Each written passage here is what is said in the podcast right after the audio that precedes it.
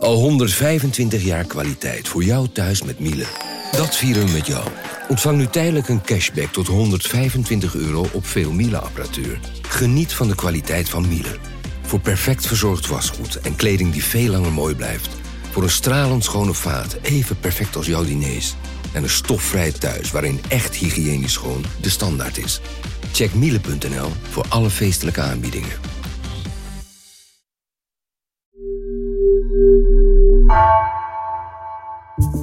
Vanaf de redactie van NRC het verhaal van vandaag. Mijn naam is Misha Melita.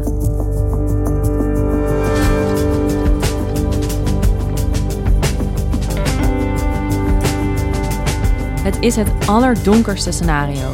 Niet genoeg bedden op de IC's, waardoor selectie aan de poort nodig is. Code zwart.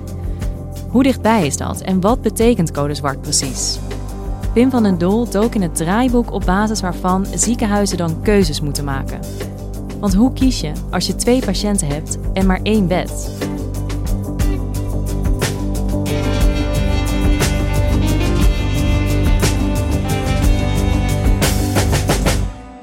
Het is nog niet zover, maar de voorbereidingen zijn in volle gang voor code zwart.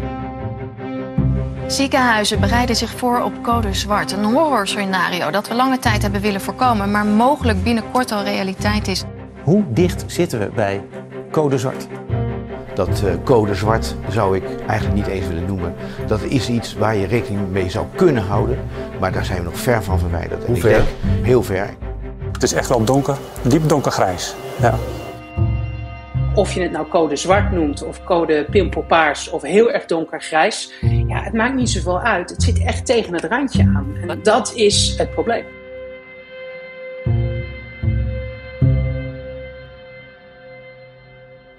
Opeens hoor je de term weer uh, overal langskomen, code zwart. Uh, de afgelopen weken uh, in de politiek, maar ook vanuit de ziekenhuizen. Maar je hoort er eigenlijk hele verschillende dingen over. Uh, minister Hugo de Jonge die uh, zegt dat we daar nog lang niet uh, zijn aanbeland. Ja, dus er is geen sprake van een code zwart en ook niet bijna. Maar het punt is wel dat de zorg op een geweldige manier onder druk staat. En vorige week zei IC-arts Diederik Gommers dat code zwart misschien al binnen 10 dagen zou worden bereikt. Dat betekent dat ik binnen nu en 10 dagen in code zwart ga. Het zijn verschrikkelijke doemscenario's. Maar tien dagen vind ik eigenlijk, nou, is best dichtbij. Uh, wat betekent dat dat nu al binnen een week het geval zou kunnen zijn. Maar in sommige individuele ziekenhuizen, uh, zoals bijvoorbeeld in het Limburgse Zuiderland ziekenhuis, voelt het nu al alsof code zwart uh, bereikt is. En of je nou code zwart of bruin, of maakt me allemaal niks uit. Maar dan gaan hier gewoon de deuren dicht, want dan kunnen we niet meer.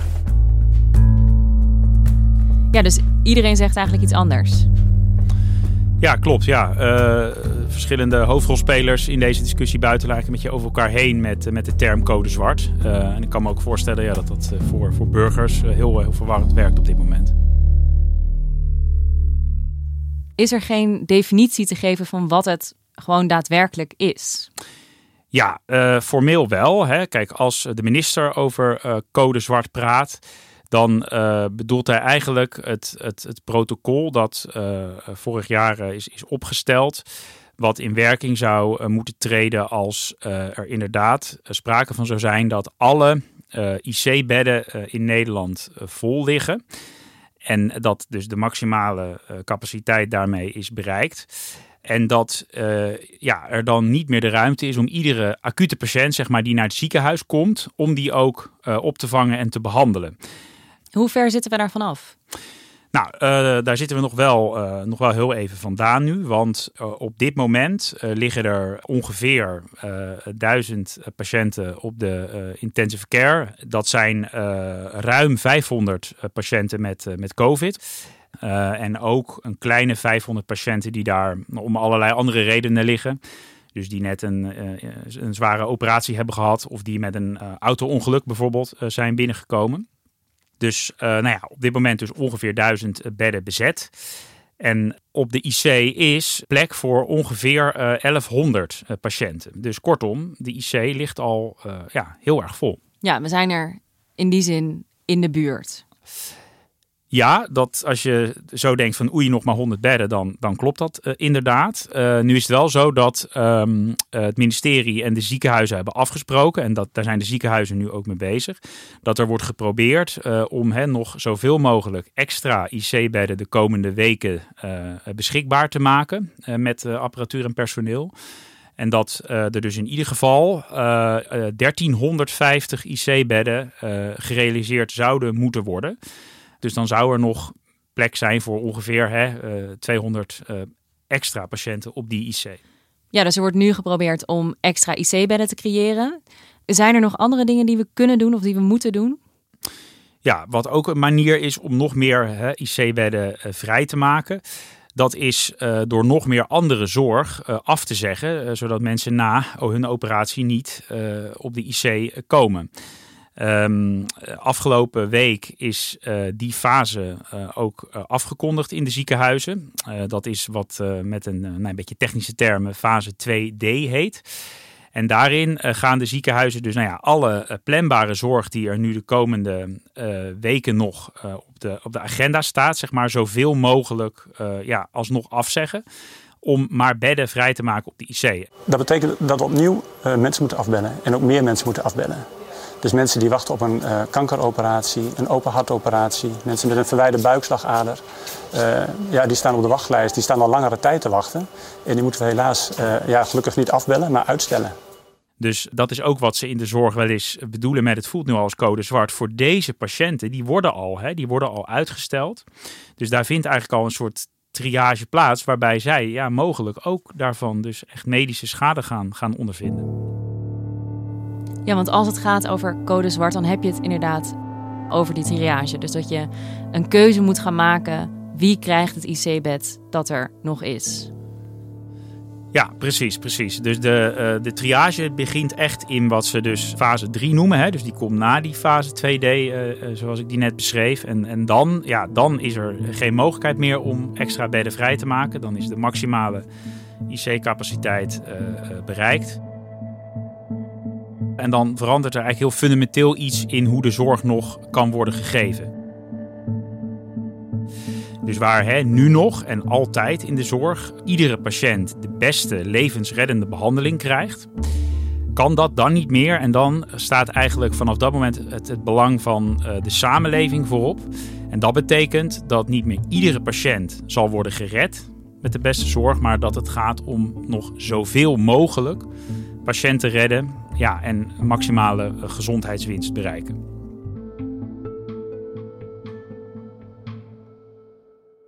Oké, Pim, stel je voor, het is zover. Code Zwart is afgekondigd. Wij werken in een ziekenhuis.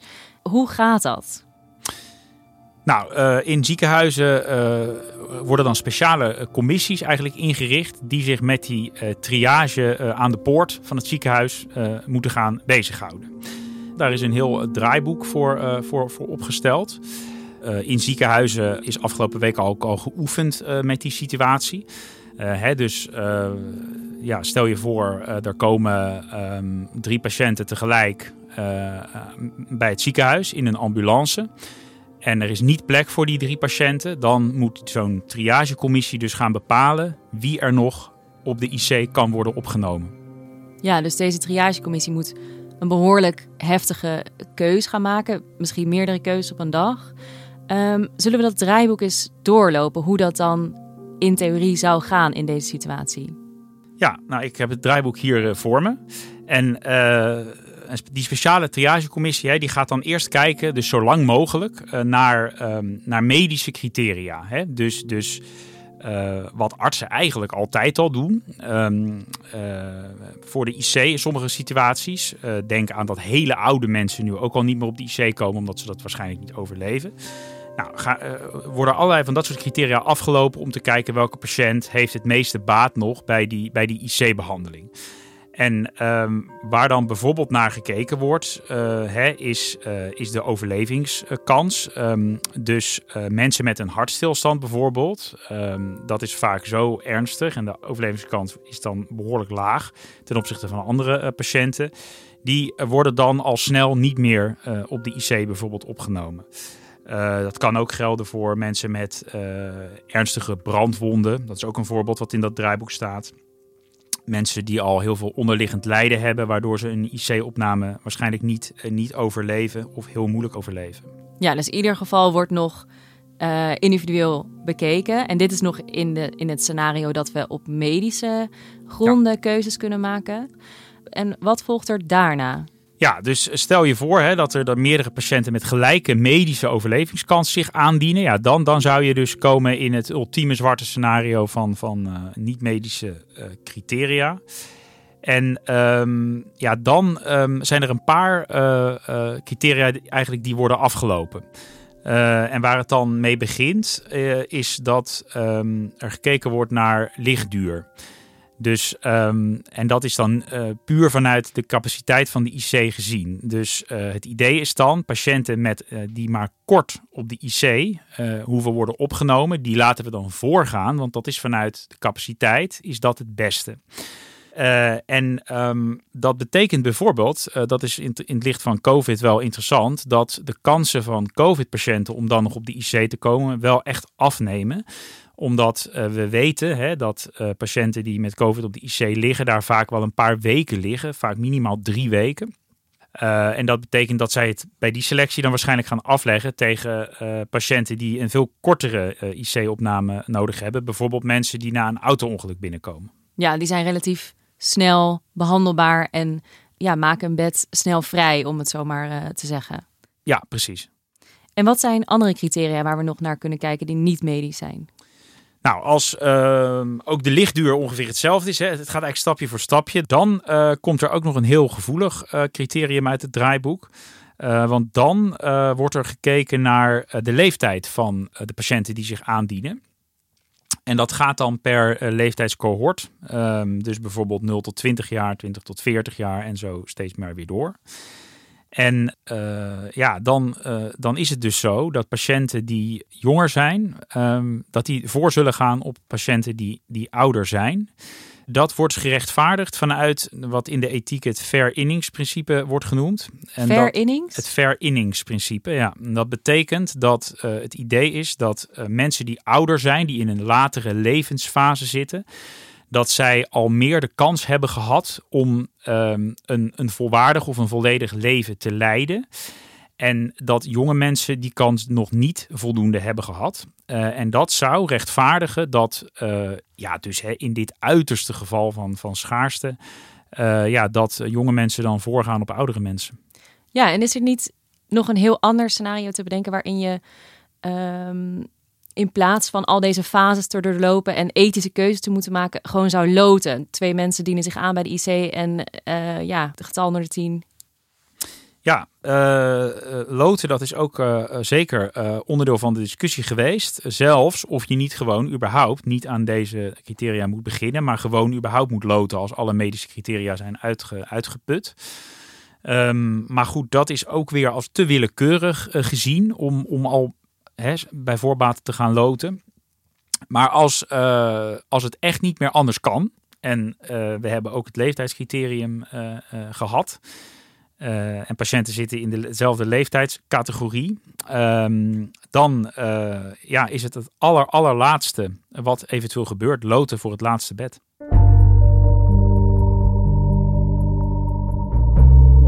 Dit draaiboek ligt er dus en dat is gemaakt in de eerste golf. We zijn inmiddels meer dan een jaar later.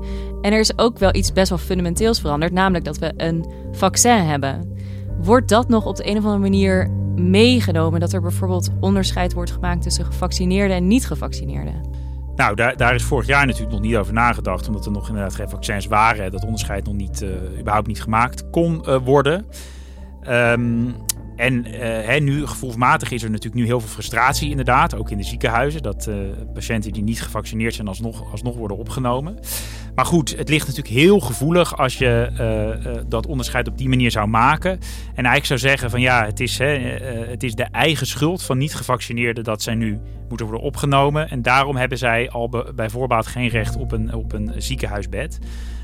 dat, is, ja, nee, dat is nu ook geen criterium Omdat uh, in de zorg wordt het eigen schuldprincipe eigenlijk nooit uh, toegepast. Dus de vraag van ja, uh, heb jij het aan jezelf te danken dat jij nu ziek bent en in het ziekenhuis moet worden opgenomen?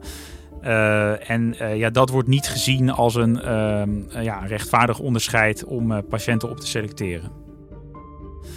Martine de Vries, zij is hoogleraar medische ethiek, zegt dat bijvoorbeeld ook dat klinkt natuurlijk heel altruïstisch en solidair.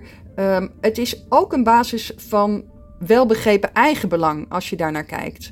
Want op het moment dat je mensen gaat uitsluiten om hun uh, gedrag, loop je het risico dat je uiteindelijk zelf ook wordt uitgesloten. Want iedereen doet wel eens iets waarvan die later spijt heeft of denkt, nou had het beter niet kunnen doen.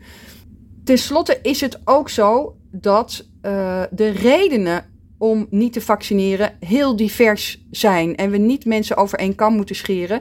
En uh, we het risico lopen dat we die redenen moeten gaan wegen. de groep mensen die niet gevaccineerd is, wordt allemaal over één kam geschoren. Het zijn allemaal wappies, complotdenkers. Maar dat is natuurlijk niet zo.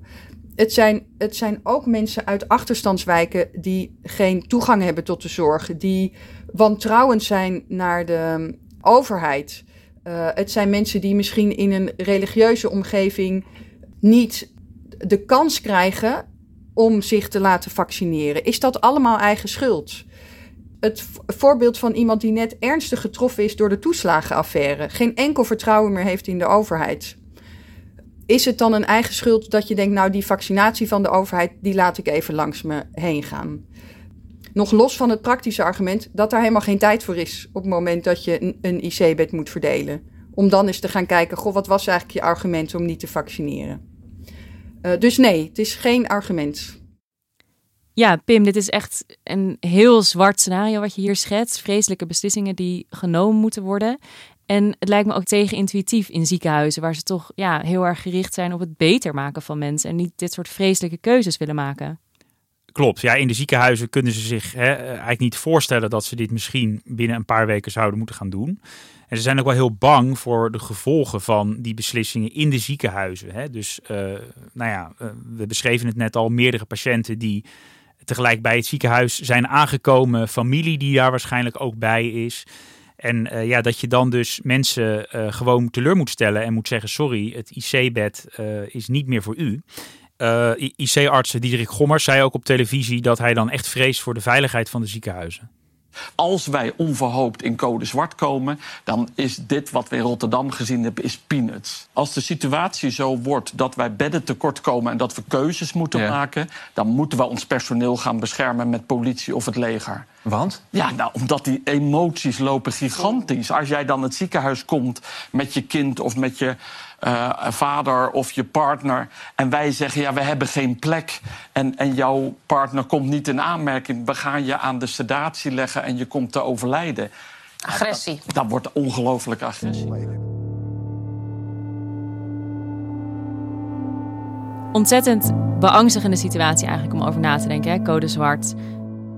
Hoe dichtbij zijn we eigenlijk als we kijken naar hoe het nu gaat op de IC's? Hoe realistisch is het dat we echt in code zwart terechtkomen, denk jij?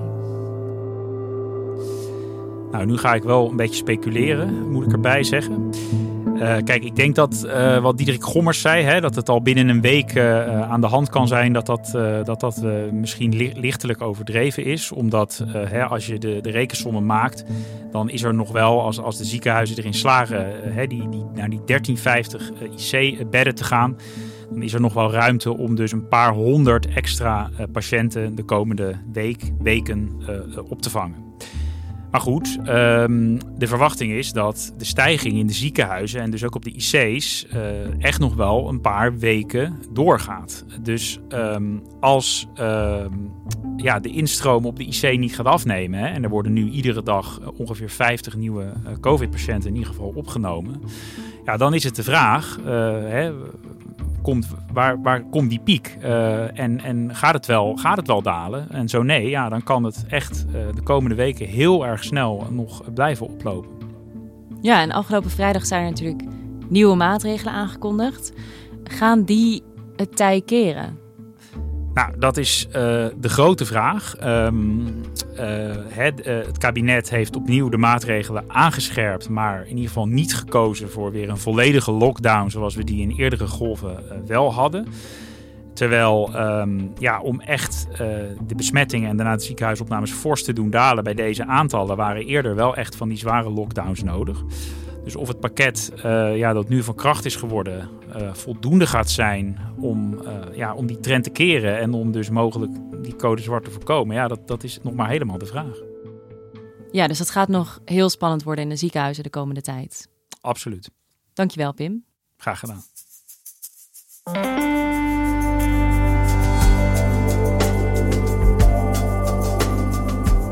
Je luisterde naar vandaag, een podcast van NRC.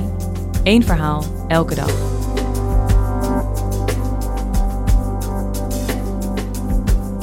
Deze aflevering werd gemaakt door Wijken van Kolwijk en Jennifer Patterson.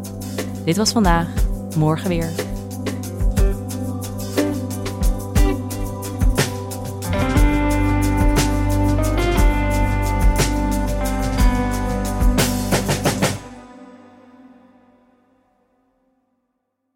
Technologie lijkt tegenwoordig het antwoord op iedere uitdaging. Bij PwC zien we dit anders. Als we de potentie van technologie willen benutten, kunnen we niet zonder een menselijk perspectief. Human-led, tech-powered noemen we dat. Ga naar pwc.nl.